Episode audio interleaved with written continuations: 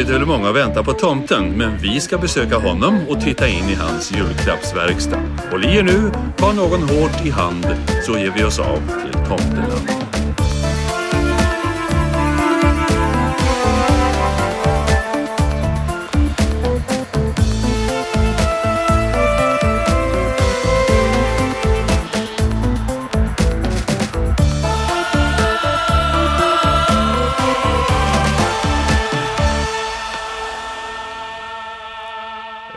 Välkommen till avsnitt 246 av skräckfilmspodcasten Vacancy med mig, Erik Nyström. Och med mig Magnus Johansson. Och om ni tycker att jag pratar ovanligt försiktigt och försynt så är det för att min dotter sover i det angränsande rummet. Men det kommer inte att vara så hela avsnittet. Det betyder inte att jag kommer att väcka henne eller strunta i att hon sover utan att vi eh, kommer bara att spela in den här första lilla sekvensen nu. Och vad är det för liten sekvens vi ska spela in? Jo, vi ska som vi gör varje år ge varandra en eh, present var i form av eh, en film. Mm. Sen kommer vi se de filmerna och eh, prata om dem. Så vi vet inte själva vilket, vad avsnittet kommer handla om. Är. Exakt. Jag har nog aldrig varit så säker på att vi kommer ha gett varandra samma film Mm. som i år. Ja, det är jag tvärsäker på att vi inte har. Nej, Med tanke på eh, formen på det paket jag har fått. ja, Ja. ja. det, det, det kanske stämmer. Mm. Ja, men eh, vill du börja öppna då? Eh, ja, det kan jag göra. Då öppnar jag nu.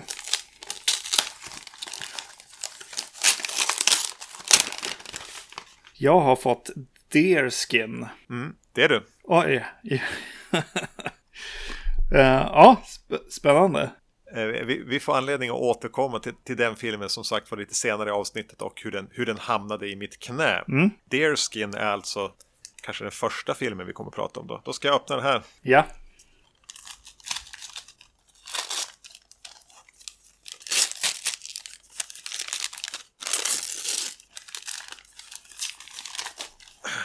Ser bara B-rolls Brians namn längst upp. Jajamän. Det är eh, To Catch a Killer med Brian Dennehy. Yes. Spelar han det jag tror att han spelar? Jajamän. Det eh, handlar om eh, jakten, eller på jakten på eh, John Wayne Gacy. Och nu kommer du få det jobbigt de, fram till vi spelar in.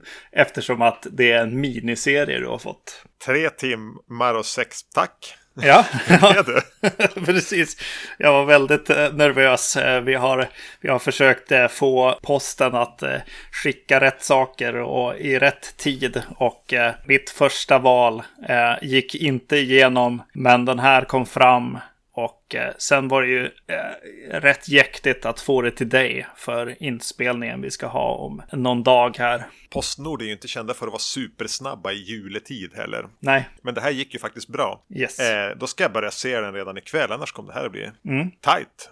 Har, du, har, har du sett den tidigare? Nej, men det tror jag inte jag har gjort. Alltså, jag, jag törs inte svära på det. Alltså, det här är ju någonting som kan ha gått på trean eller sådär någon Mm. gång. Då får vi Men, prata, eh, prata lite mer om det eh, sen. För, för jag har Exakt. definitivt sett den här. När den kom till Sverige, när det kan ha varit. Jag tror att Deerskin är en timme och 17 minuter. Just det, så jag har, har mer, mer tid att spela Xbox på än du. Ja, Ja, eller läsa en god bok. just det. Eller vara med dina barn. Jag vet inte vad du föredrar. Oj, oj. Nej.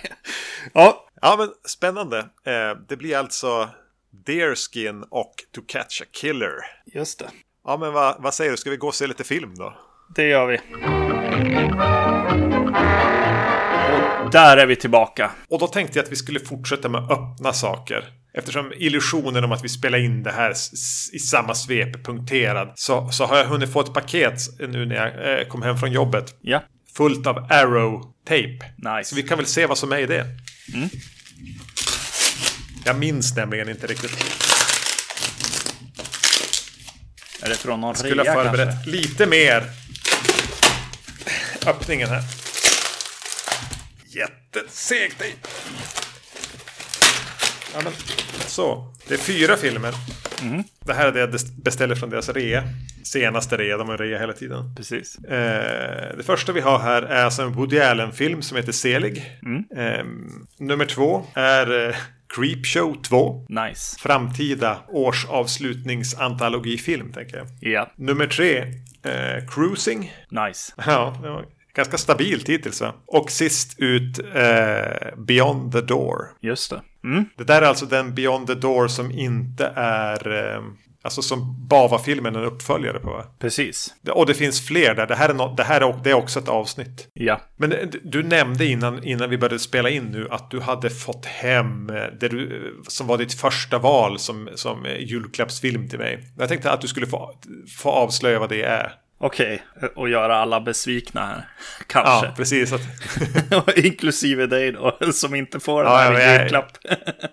Besvikelser är något jag är väldigt van vid. Yes. Det är Belladonna of Sadness. En, en eh, japansk animerad film. Som jag har tänkt att vi ska göra någon gång på podden. Jag har ingen aning om vad det här är. Men vi, vi, vi siktar på 2021 för den då. Mm. Belladonna of Sadness. Ja. Yes. Eh, vi, vi, vi ska alldeles strax börja prata om Deerskin och To Catch a Killer. Men först då, har du någon god julbrygd att smutta på? Det har jag. Jag eh, dricker en Jordbro Finest IPA. Som, eh, ja, alltså när vi gör lite så här reviews så kan jag väl inte kanske tycka att det var jord... den Finest IPAn direkt. Men eh, den funkar absolut. Jag har varit och plockat i julölshyllan och har en, alltså ett ganska tråkigt alternativ. Säger Lagunitas Holiday Ale. Jag, jag, säkert så var det det jag drack när vi spelade in det här avsnittet i fjol. Eh, minns inte riktigt hur den smakar. Alltså det är ju inte mycket jul. Alltså det är ju inga... en IPA. Ja, Ja, ja. Vad tror du? Ska vi börja prata om Deerskin? det tycker jag vi gör. Den kom ju till mig på ett lite oväntat sätt. Och då tänker jag att vi kan börja med en shout-out till podden eh, Myrornas krig. Och en av eh, upphovsmännen där som också heter Erik. Som eh, rekommenderade den till mig. Och jag sa jaha, ja, ja, ja. Jag läste lite om den och, och tänkte någonstans bara snabbt. Ja, men det här skulle kunna vara en potentiell julklappsfilm. Vilket jag skrev. Och då sa han, ja men jag har fler, fler exemplar av den. Jag skickar ett. Så han skickade den till mig. Och eh, i samma veva som att jag skulle börja se den. Så upptäckte jag vem som har gjort den. Ja, jag, jag blev lite, när jag öppnade, jag bara vänta nu. Regissören är alltså Quentin Dupieux, eller hur man nu uttalar det här franska efternamnet. Vars Rubber vi har pratat om i avsnitt nummer 91. I ett av de mest här, sönderslitande avsnitten vi någonsin har gjort. Där man bara fick känna att fan, han vann. ja, vi Det spelar kränkta. ingen roll vad jag... Exakt. Det spelar ingen roll vad jag säger eller tycker om den här filmen. Han har ändå överhanden. Den här ironiska, överlägsna jävla musikern Ja. som råkar göra en film. Vilket gjorde att det blev ännu roligare. Yes. För det är väldigt, verkligen love to hate you. Mm. Hate to love you eller någonting. Förhållandet som man fick till Rubber var spännande att få följa upp det. Ja, verkligen. Och för er som inte sett Rubber så handlar ju den om ett, ett mördardäck i typ Arizonas öken. Så mycket ironiska lager att eh, man eh, inte längre vet vem, va- vad man själv tycker eller vem man är eller någonting till slut. På ett jävligt irriterande och lite kittlande sätt. Precis. Men här, eh, jag tror inte att han har gjort någon fullängdsfilm sen den. Slapp research, Ja, du kunde precis. inte fylla i. Nej, jag kunde tyvärr inte fylla i. nej, nej jag, jag, jag tror inte. Nej. Och det här handlar om en man som eh, blir besatt vid en mockajacka kan man väl säga. Med fransar. Som leder honom till ett lite off-season hotell. Där han börjar filma saker med kameran han fick på köpet. Vilket ställer till med en hel del förvecklingar. Och han utvecklar något slags storhetsvansinne kring den här mockajackan. Ja, precis. Och det är allt vi kommer att säga om den här filmen. Nej. Nej, För annars går vi i den här fällan igen. precis. Nej, men lite rolig vad det? setup på något sätt. Eh, Det är ju ungefär samma på eh, omslaget här till den här filmen på baksidan liksom. Och eh, det är verkligen, jaha, Ja, vi får väl se. Vi får väl se vad det här blir. Om jag försöker blicka tillbaka på Rubber som ju kom för, eh, vad kan det vara, tio år sedan ungefär. Mm. Så hade ju den en lite mer så här stiliserad musikvideo-look. Mm. Medan den här har ju ett helt annat anslag. Fotot är lite mjölkigt på något vis. Lite blekt mjölkigt. Med mm. min inställning till Dupieux här som, som någon slags eh, ständigt ironisk skojare tänker jag att han har riktat blicken någon annanstans här. Här har han fått nys om Jorgos Lantimos. Alltså även mm. Lobster eller, eller to, vad heter den? The Killing of a Sacred Deer eller The Favorite. Den grekiska regissören. Just det. Att det är lite det anslaget. Om man ska beskriva den här filmen kortfattat så, så får jag väldigt mycket samma den känslan. Eller någon som har tittat på det och eh, lånat det, den estetiska auran på något vis. Och kanske lite även det skruvade innehållet. Och om du tänker efter så skulle mm. inte huvudpersonen här ha kunnat spelas av eh, Colin Farrell mm. som läser alla repliker på ett monotont och dött sätt. Ja, verkligen. Ja, det har du rätt Så, så, så där mm. någonstans är jag. Men, men, men det här känns även som en betydligt mer låg profil och lågbudgetgrej än Rubber, eller? Ja, Ja, precis. Jo, men det gör det ju. Det här känns som någonting han har gjort med, med ett minimalt crew, några få skådisar och nästan halv improvisera fram. Ja, precis. Men ändå liksom, ja nu har jag inte namnet, men mannen i huvudrollen har man väl ändå sett till lite grann. Jean Dujardin. Just det. Jo, ja, men han är väl mest känd för den här The Artist som kommer för. Ja, det är ju där han är med. Just det. Mm. Ja, vad den nu är. Eh, då han spelar, alltså stumfilmspastischen. Just det. Mm. Och det är ju en, det är en etablerad skådis, det må man ju säga. Och även hon som då dyker upp som, som blir hans klippare. Ja. Spelas ju av Adele Haenel, Henel. Som ju också var med i eh, Portrait of a Lady on Fire. Som vi fick mm. väldigt mycket cred här om året. Den var jag på väg att se men jag såg inte den. Så den har jag missat. Attempted viewing. Attempted ja, precis verkligen. Eh, så det är två starka namn i de bärande rollerna. Och, och, bara för att direkt komma in på det så tycker jag att de eh, gör oerhört bra ifrån sig. Ja, verkligen. Det är väldigt eh, trevligt att se hans film här ha de här huvudrollerna i, med sig. För det är en rätt eh, absurd eh, film liksom. Och eh, det ger definitivt en aspekt till det att det är gedigna skådespelare liksom. Med ja, verkligen. Ja, den är ju så minimalistisk och absurd att hade du inte haft den här tyngden som de ändå tar med sig bara i ren talang och begåvning mm. så hade vi haft problem här. Ja, just det, precis. Undrar hur det bara heter den. Under the Skin hade varit utan stjärnan i, i den. Ja, ja, den bygger ju så mycket på att det är en stjärna också. Ja. Supersexsymbolstjärna. Ja. Men eh, det, det, det är lite, lite liknande liksom. Jag kan dra lite paralleller där med, med just de här i huvudrollerna och, och filmens liksom lite vrickade liksom eh, manus och sätt att, att vara på. och då, då tycker jag, eh, öppningen liksom, när han, han åker genom åker i bilen och stannar, vadå, på en mack eller någonstans. Det är någonstans han går in på toaletten i alla fall. Och ja. eh, slänger sin, ja vad kan det vara, kavaj? Ja, den är så här grön manchester-kavaj va? Mm. Alltså lite så här att, att man tänker att han skulle vara historielärare på ett universitet. Precis, ja, och eh, slänger den i toaletten och försöker liksom spola ner den och trampa ner i, försöker trycka ner den med foten. Det är ju, det är en spännande öppning på en film. vart, vart ska det här ta vägen? Och, eh, och, men också liksom, det är ju en film som helt olikt Rubber har en ganska tydlig berättelse kan jag tycka. Mm. Om den här mannen som, har som verkar ha gått, typ lämnat ett liv och ska göra sitt bästa liv lite grann. Att det ja, alltså någon slags så här, närmar sig 50-kris. Eh, han upplevs ju ganska tom. Mm, han vet verkligen. inte var han, var han är på väg, han vet inte vad han vill. Han, han tänker bara att det är en ny start han behöver. Ja. Eh, och då har han, visar det sig då när han försöker spola ner sin, sin kavaj där på macken och, och kör vidare att det han är på väg mot är liksom att han är på, vad ska man säga, typ Blocket eller någonting. Mm. Ha, har köpt ja, men den här fransiga mockajackan av en farbror som mm. bor i ett ödsligt hus. Och att den på något sätt är det som ska bli avstampet för hans nya liv. Ja, det är roligt eh, när han är där och och ska köpa den här jackan. Han får en, en kopp kaffe och så hämtar eh, mannen som har ägt den här jackan bland en massa annat gammalt skräp som han har haft genom åren och eh, presenterar den som här är den, Labité. Mm.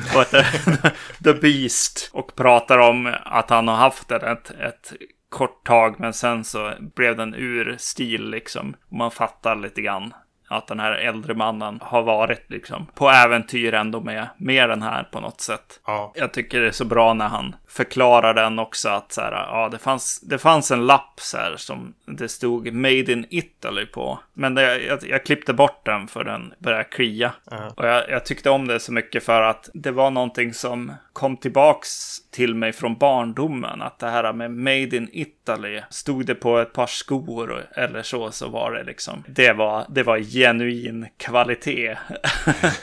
Då. Det var, det, det var motsatsen till Made in Taiwan. Ja, verkligen. Och sättet som mannen här som köper den när han tar på sig den. Mm. Det är ju som en, nästan en sexuell upplevelse för honom. Mm. Äh, lite senare så må, jag måste ge en shout-out till vem som nu har översatt den här kanske någon på njuta eller hur det kan vara. Mm. Men mm. Eh, det är väl, väldigt roligt liksom. Eh, och det, det kanske är dialogen, är så. Men bland annat så, så står han och tittar på sig själv i, i, i spegeln med den här och så säger han att det är sjukt grym stil.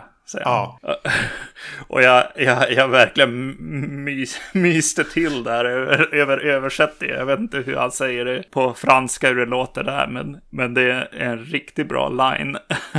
Och jag tänker att den är, ha, ha med den genom den här filmen. Mm det, det, det är ju just det som känns, den här torr, torrbollen kanske som, ja vadå, han jobbar på skola eller nå, någonstans i alla fall där han inte har fått, fått ut mycket, kanske varit i en relation också som har varit så här äh, rätt trist och tråkig liksom. Att då gå och ta på sig något som han egentligen skulle ha på sig kanske för 20-30 år sedan och verkligen bli upprymd av det här plagget och, och känner att nu är jag annorlunda här är vändningen på något sätt. Det, det, är, det är roligt liksom. Sjukt, eller vad sa du? Sjukt grym stil. Ja, precis. Ja. Av någon anledning i samband med att han köper den här av den, den gamla mannen. Mm. Så, så får mannen för sig, ja men jag slänger med den här kameran också. Mm. För han tycker väl någonstans att han nästan tar för mycket betalt för en jacka. Mm. Eh, så får han en, en DV-kamera mm. som han ju då tar med sig på den fortsatta resan som går till ett hotell. Mm. Och, och, det är här man får, han vill som bara vara, vara någonstans där det inte är så mycket folk kanske. Han vill inte vara där han kommer ifrån. Han vill liksom på något sätt kanske hitta ett ställe att rita ut koordinaterna för sin egen framtid. Mm. Men det visar sig ju även snart att han har ont om pengar han verkar ju ha lämnat sin fru och hon har spärrat hans, eh, deras gemensamma konto. Mm. Så han får ju som lämna en, eh, sin vigselring eller om det är någon annan slags ring som pant för att han inte kan eh, lämna ett kort där på hotellet. Och det här är som en pågående tråd genom filmen är ju att han är lite, har lite ont om pengar. Mm. Ja, ja.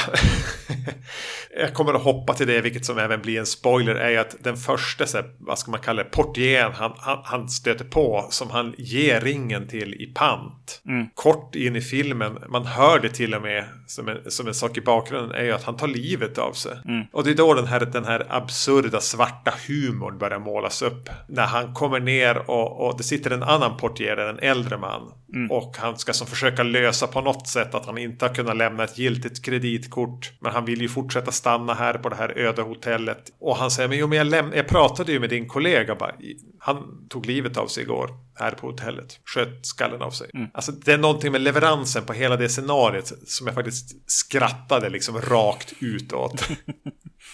Yes. Vilket sen leder till en scen där han ska gå åt, liksom, han erbjuds liksom, du kanske vill, vill liksom pay your respects. Mm. Eh, men han vill ju bara få tillbaka sin ring som han har lämnat till den där mannen som tog livet av sig så han kan fortsätta använda den som pant. Ja. Så han, då har de lagt han i typ ett rum där mm. med ett stort hål i ansiktet. Händerna knäppta över magen där han har ringen. Mm. Ja, det, det, är här man börjar komma in i den här vibben. Och, och återigen här så känns det Lantimos. Mm. Och, och, här hittar han ju då även den här fortsatta resan som kanske inte behöver vara geografisk. Nej. Utan den här eh, numera döda hotellportieren har ju en mockahatt skulle jag säga. Det är här man, man inte vet så mycket om djurhudar och hur de översätts till, till klädesplagg. Nej. Men det är då en, en deerskin-hatt. Som mm. också är, är sjukt grym stil. ja, precis. Transformationen är, är igång där. Ja. ja. och det gör han ju också. För att få tillbaks ringen så gör han väl kanske. Det blir, det blir värre genom filmen som gör den kanske till, till en del av, av Vacancy-universumet liksom. Men, men det nästan värsta i filmen är ju att han äh, får inte loss äh, ringen utan äh, gör som en, som en gör. Ja, han slickar på, på ja. den döda mannens finger och drar loss det. Och kommenterar också. Det här är ju lite vidrigt men... och eh, ja men jag tänkte vi ska inte, behöver inte spoila så hemskt mycket i, i vad som händer. Men den här kameran, han börjar ju filma. Och han kommer i kontakt med en, en bartender. Mm. Som han börjar prata med. Om att, och, och börjar prata om att han är ju en eh, filmmaker. Ja. Eh, och att han är där för att göra film. Men han har ju inte sina producenter där, de är i Sibirien. och eh, han håller på att göra ett projekt och hon börjar då som berätt, kallprata med honom att hon håller på och klipper lite film. Bland mm. annat så har hon klippt om Pulp Fiction i kronologisk ordning och det blev fruktansvärt. Verkligen fruktansvärt. Lägger han till en gång till.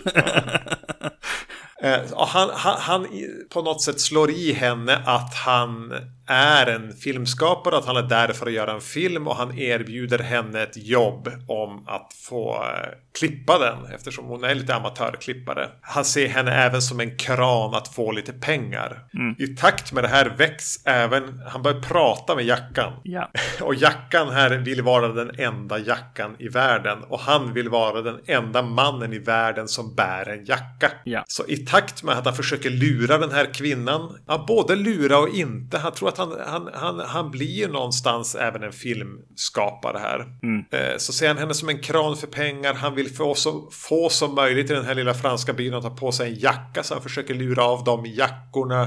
Och det här eskalerar ju till våld och, och ond bråd död. Mm. På ett ganska schysst sätt ändå. Ja, det måste jag säga. Överlag så måste jag säga att, att jag, jag följde med gladeligen helt plötsligt i den här filmen. Till den grad att jag till slut började känna att så här, ja, men eh, nu vill jag nästan tycka bättre om Rubber än den här. För den här har ju liksom en, en historia och en berättelse och liksom en, ett start och ett slut och ett mitten liksom. Ja. Så jag, jag, kände mig lite tråkig helt plötsligt. När jag tyckte att det här, det här eh, funkar ju riktigt bra. Och vändningarna, jo man ser dem komma men det känns ganska trevligt på något sätt. Ja, ja du menar så att man bara för att försöka sätta dit Dupieux här så vill man tycka att Rubber är den bra riktiga filmen. Ja, precis, exakt. Nästan så. Eller jag, jag, jag, tyckte kanske mig själv vara lite tråkig här då helt plötsligt. Här, ja, men här var det ju en riktig film i alla fall han har gjort. ja, man blir så här, så här, man vänder sig själv ut och in mm. flera mm. varv. Yes. Men det jag, det jag ändå fastnade med, med, med, med Deerskin här var att nu får du försöka uh, häng med på det här. Mm. Nu, nu, har vi en liten, uh, en liten tankesmedja här. Är inte det här en ganska självutlämnande bekännelse? Är inte huvudpersonen här Quinten Dupieux? Mm. Som vi såg på honom han är ju musiker i grunden eller någonting. Eh, gjorde ju den här Flat Beat-låten sent 90-tal som blev en jättehit. Mm. Eh, han, han, framstår som en ganska odräglig, ytlig person. Kanske med en intelligens bakom det, men, men att allting handlar om yta. Mm. Och att, att han sen började göra film var liksom bara någonting som hände. För att fylla, alltså han visste inte vad som hände. Han ville väl bara försörja sig. Han behövde bara få pengar. Efter att den här låten som råkade bli en hit blev en hit. Men allting handlade ju egentligen om att ha en sjukt grym stil. Mm. och så han hittade olika sätt att, att, att antingen göra så här, vad det nu var, vad gjorde han typ? Elektro, techno, dansmusik. Mm. Eller film eller vad som helst. Men allting handlar ju egentligen om uppmärksamhet, att vara cool, att vara där och, och så måste man ju få in pengar på något sätt.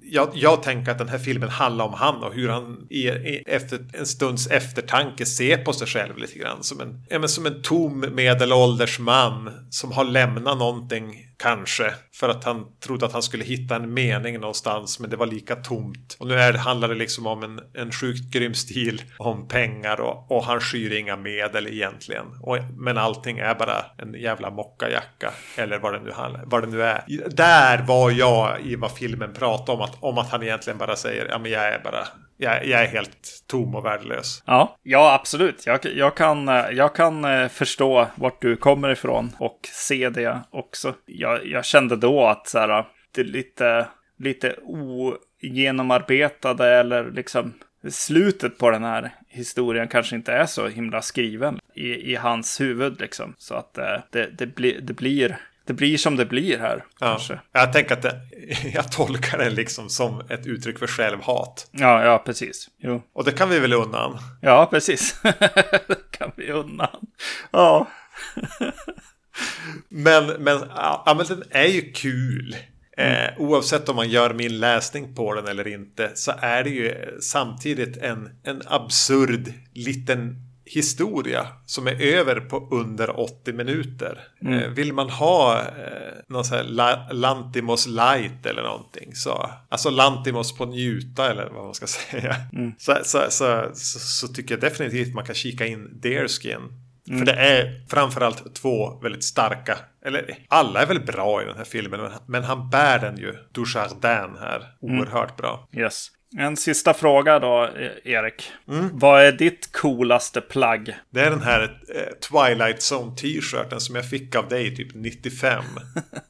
yeah. Som du köpte när du var i New York med dina föräldrar. Yeah. brukar jag ofta på mig när vi spelar in podd. Men nu har den hamnat för långt in i garderoben. Nu har jag inte sett den på ett tag. Mm. Vilket är ditt coolaste plagg? Uh, ja, vad kan det vara? Alltså, ja. För mig blir det det nördigaste kanske. Plagget. Min Blades of Steel t-shirt kanske. Men coolaste, ja då kanske, ja men jag måste väl lämna ut mig själv lite mer kanske. Det är nog min jacka faktiskt, min sommarjacka. Men den börjar vara för sliten, jag får köpa, köpa nytt här snart. Ja, mm. Med fransar? Jag får sälja den på Blocket kanske. Ja, jag köper den. Mm.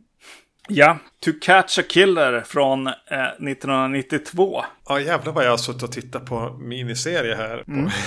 kort tid. Eh, den handlar alltså om jakten på John Wayne Gacy med, med lite konstnärliga friheter. Mm. Jag pratade på telefon strax innan vi spelade in med, med Gustav. Från, ja. Eh, vad ska man säga, tidigare känd från Tittarna och snackar. Mm. Som mindes den här mycket väl. Som den här miniserien som man kunde hyra i en sån här dubbel VHS. Ja. Och att den fick fem getingar i Expressen. Mm. Så det här var ju någonting som var någonting när den kom. Att den på något sätt så guppade upp ur miniseriebruset. Att den fick något slags erkännande som någonting mer än bara, eh, vadå, typ två tv-filmer. Mm. Jag ska bara öppna min en till öl här. Intergalactic från Stockholm Brewing Company. Inga, inga tomtar och grejer här. Nej, nej, precis. Jag har faktiskt varit på min julrun, men eh, jag, jag avvaktar lite till ja. med jultemat. Eh, ja, eh, det är precis så jag har kommit till den här eh, också. Eh, vet inte om det var VHSen, men den minns jag också att den fanns. Så det kan ha varit att familjen har hyrt den eller att den gick på, på tv, men det, det vet inte jag riktigt. Precis som som Gustav säger så trodde jag att alla hade sett den här. Att det här var, var en sån där äh, grej som hela Sverige äh, hade sett. Så jag blev lite förvånad när du inte hade sett den. Men jag minns den mycket väl, alltså verkligen med backspegeln. Alltså jag, jag, jag kände ju inte, äh, kom inte ihåg så mycket. Jag kände, kom ihåg mycket av känslan i den och, och John Wayne Gacy, alltså Bra, eh, Brian Denny och hans stress när nätet slöt sig liksom runt honom minns jag väldigt väl. Det är klart att den, jag tänker lite grann att den måste ha påverkat en del, en del ändå. För att vi var ju rätt ung när den kom. Och det här med true crime är ju som inget som jag har sysslat med liksom. Genom livet i alla fall. Jag är väldigt mycket true crime-poddar och grejer nu för tiden. Men eh, det var något speciellt här som väl kanske väcktes lite att det var baserat på en verklig händelse och någon som gjorde så otrevliga saker på något sätt. Ja. Mm. Nu när jag har sett den så är jag ju väldigt övertygad om att jag inte har sett den här tidigare. Det mm. här är någonting nytt för mig. Jag har ju känt till den och vetat om To Catch a Killer, Brian Dennehy. Den kopplingen finns i mitt huvud, men inte till John Wayne Gacy. Ja, just det. Mm. Om någon hade sagt eh, To Catch a Killer med Brian Denny så hade jag sett framför mig han som en eh, dedikerad polis som jagade en påhittad seriemördare i Mississippis delta typ. Någonting mm. sånt. Just det. Den här är ju gjord av så här, no names. Mm. Den är regisserad av Eric Till och skriven av någon som heter typ Kinberg någonting. Jed, Jared, Judd Kinberg. Om inte någon av dem är engelsmän till och med. Men som har jobbat nästan uteslutande inom tv. Varit så här bruksarbetare. Ganska rutinerade. Jag tror båda är döda nu. Mm. Med, med ålderns rätt döda gjort massor med tv-filmer, tv-serier, skrivit för tv. Eh, men jobbat alltså länge. Mm. Så det är som ett, ett, rutinerat gäng som går in här för att, för att göra då en miniserie. Eller två 90 minuters filmer eller vad man ska säga att det här är. Ja. Pang in i storyn. Mm. Pang! Alltså den, den har ingen så här långt pianoklinkande intro över något suburbia. Där vi får träffa polisen som är lite sen till jobbet och dricker kaffe på vägen ut eller någonting. Mm. Utan det handlar ju nästan direkt om någon som blir anmäld försvunnen. Ja. Och sen kastas vi in i någon person som sen försvinner. Mm. Den har ett, ja, den blinkar inte. Nej, exakt. Ja, den, den, den verkar ha mycket att berätta känns det som här i början. Definitivt att, att hoppa in. Och så kanske att de vill göra ett, ett tv-anslag. Ja, men funkar det inte efter liksom fem minuter så byter man kanal liksom. Mm. Och här, här hoppar de ju på, helt klart. Och öppnar, jag vet inte, starkt kanske det som slog mig mycket i början, det var ju så här, ja, ah, det här är verkligen en mi miniserie. 4-3-formatet, jätterisig bild. Ja, visst är det mysigt. ja, visst. Exakt.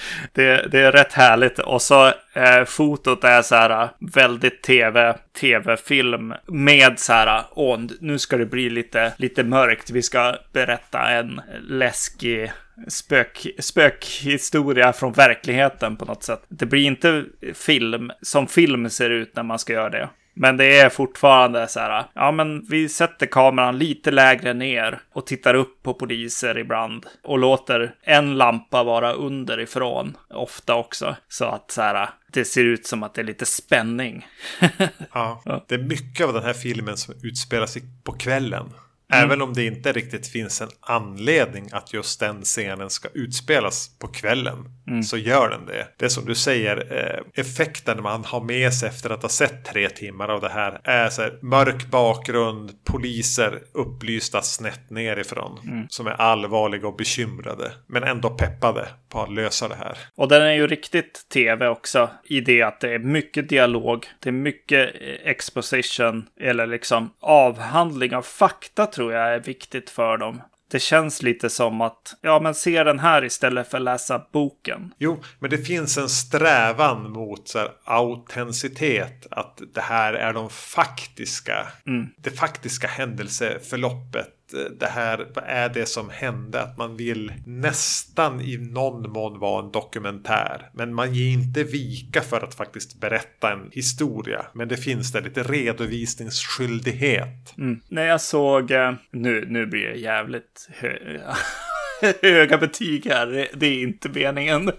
När jag gick och såg Zodiac på ja. bio. Eh, det här tror jag jag har berättat i podden förut. Så satt verkligen on the edge of my seat. Bokstavligen så hade jag flyttat mig fram och tyckte att det var skitspännande. Och eh, när den slutade så hörde jag ett ungt gäng bakom mig som bara Åh gud vad trist den var. Mm. och, och jag tänkte lite så här, ja det är nog den här filmen de har sett när de gick och såg Zodiac.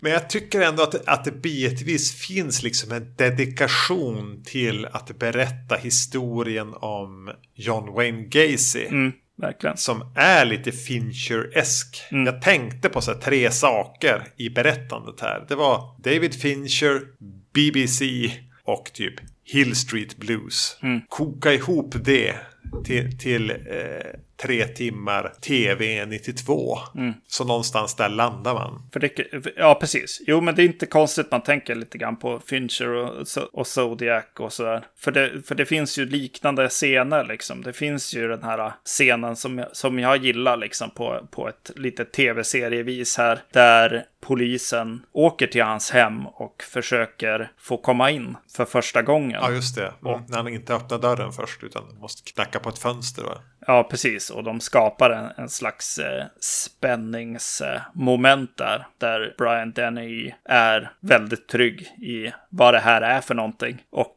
i sig själv. Att skapa den här eh, tv-varianten på en, en jättespännande scen. Liksom. Som i, i Zodiac tänker jag på den här, eh, han som eh, ritar affischer Ja, där de hamnar i källaren va? Ja, precis. Det är lite liten spegling av den här scenen i den då. Jo, och jag tycker alltså, framförallt i första delen att den målar upp en jävligt trevlig... Te- alltså, det är som att man använder hela tiden det här med tv, tv, tv.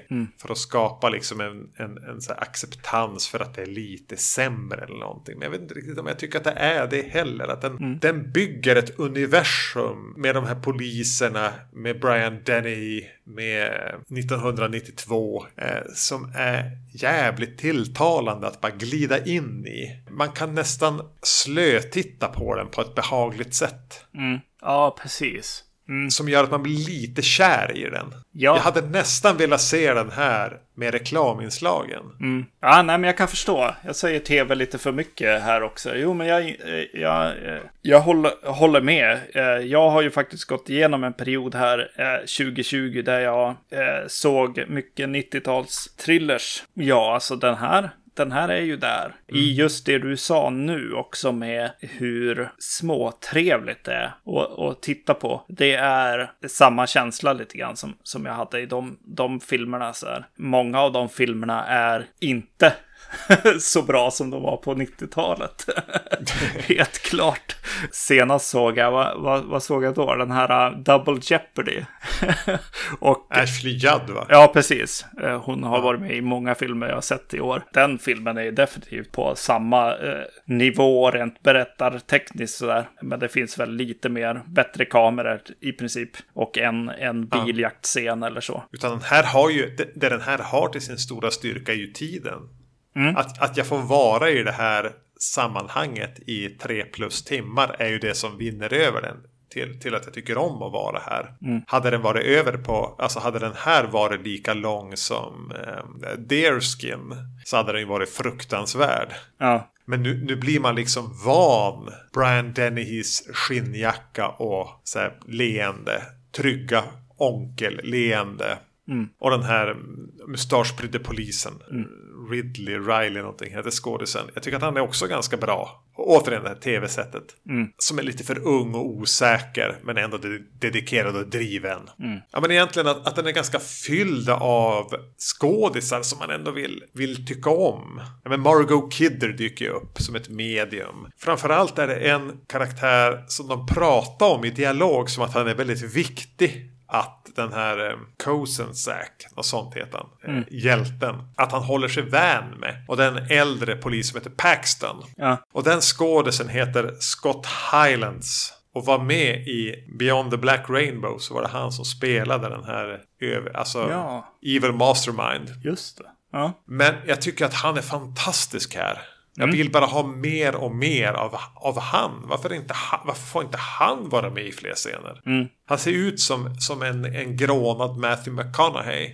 Och, och eh, filmen har de där lite här och där. Alltså så här rutinerade, etablerade, jävligt kompetenta tv-skådisar som kan bara gå in och leverera i en, en mindre roll. Jag tycker att där håller den en, en jämn hög nivå på vad man vill ha i det här slöa i soffan tit- tittandet på en film. ja precis. Meg Foster ingår ju där också. Ja, jo men precis. Någonting som jag, som jag den här, eh, efter, efter ha lyssnat på mycket true crime och sånt, eh, så blir jag så irriterad på poliserna.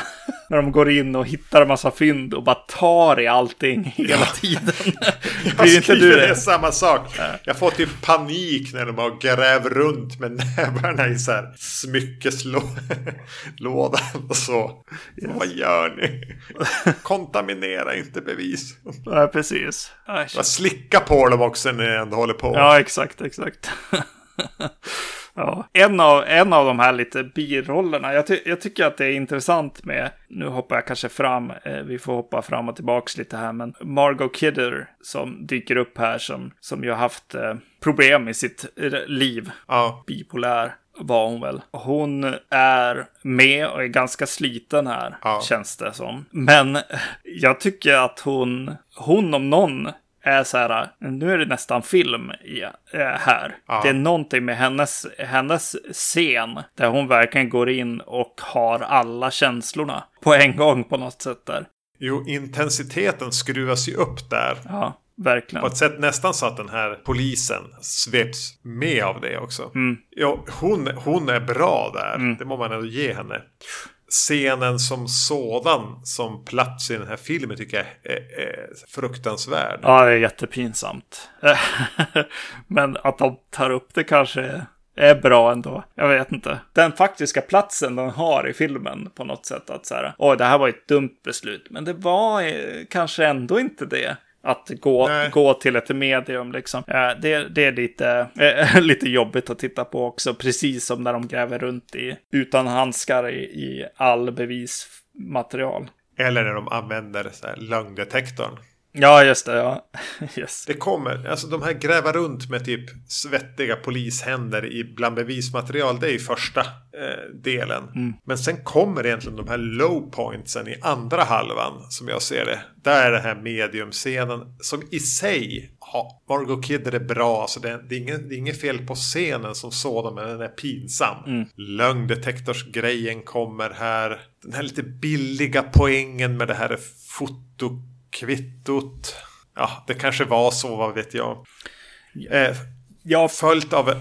Var det så? Nej, men jag, jag, jag ver- verkligen hoppas att just de här, de här lite dumma sätten att fånga en mördare på som de gör, liksom fotokvittot och typ serienummer på en liten tv. Eh, jag, Ja. jag tycker att det är så spännande eh, och hoppas lite grann på att, att det faktiskt är fakta. Ja. Men ja, yes. Det blir lite ihåligt i, i, sett i det här perspektivet. Och så, så kommer det en biljakt på slutet mot flygplatsen där som är så fruktansvärd. Jag vet aldrig vem som kör vilken bil.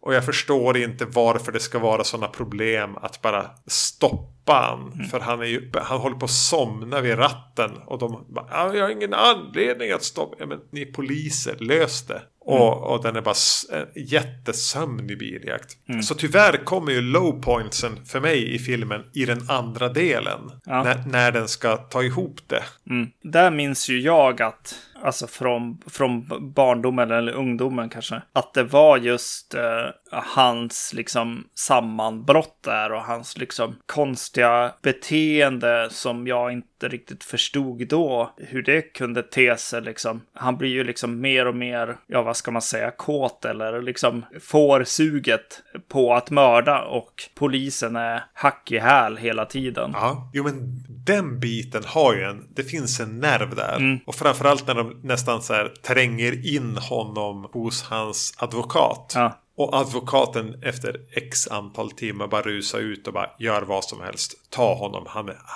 han är inte OK.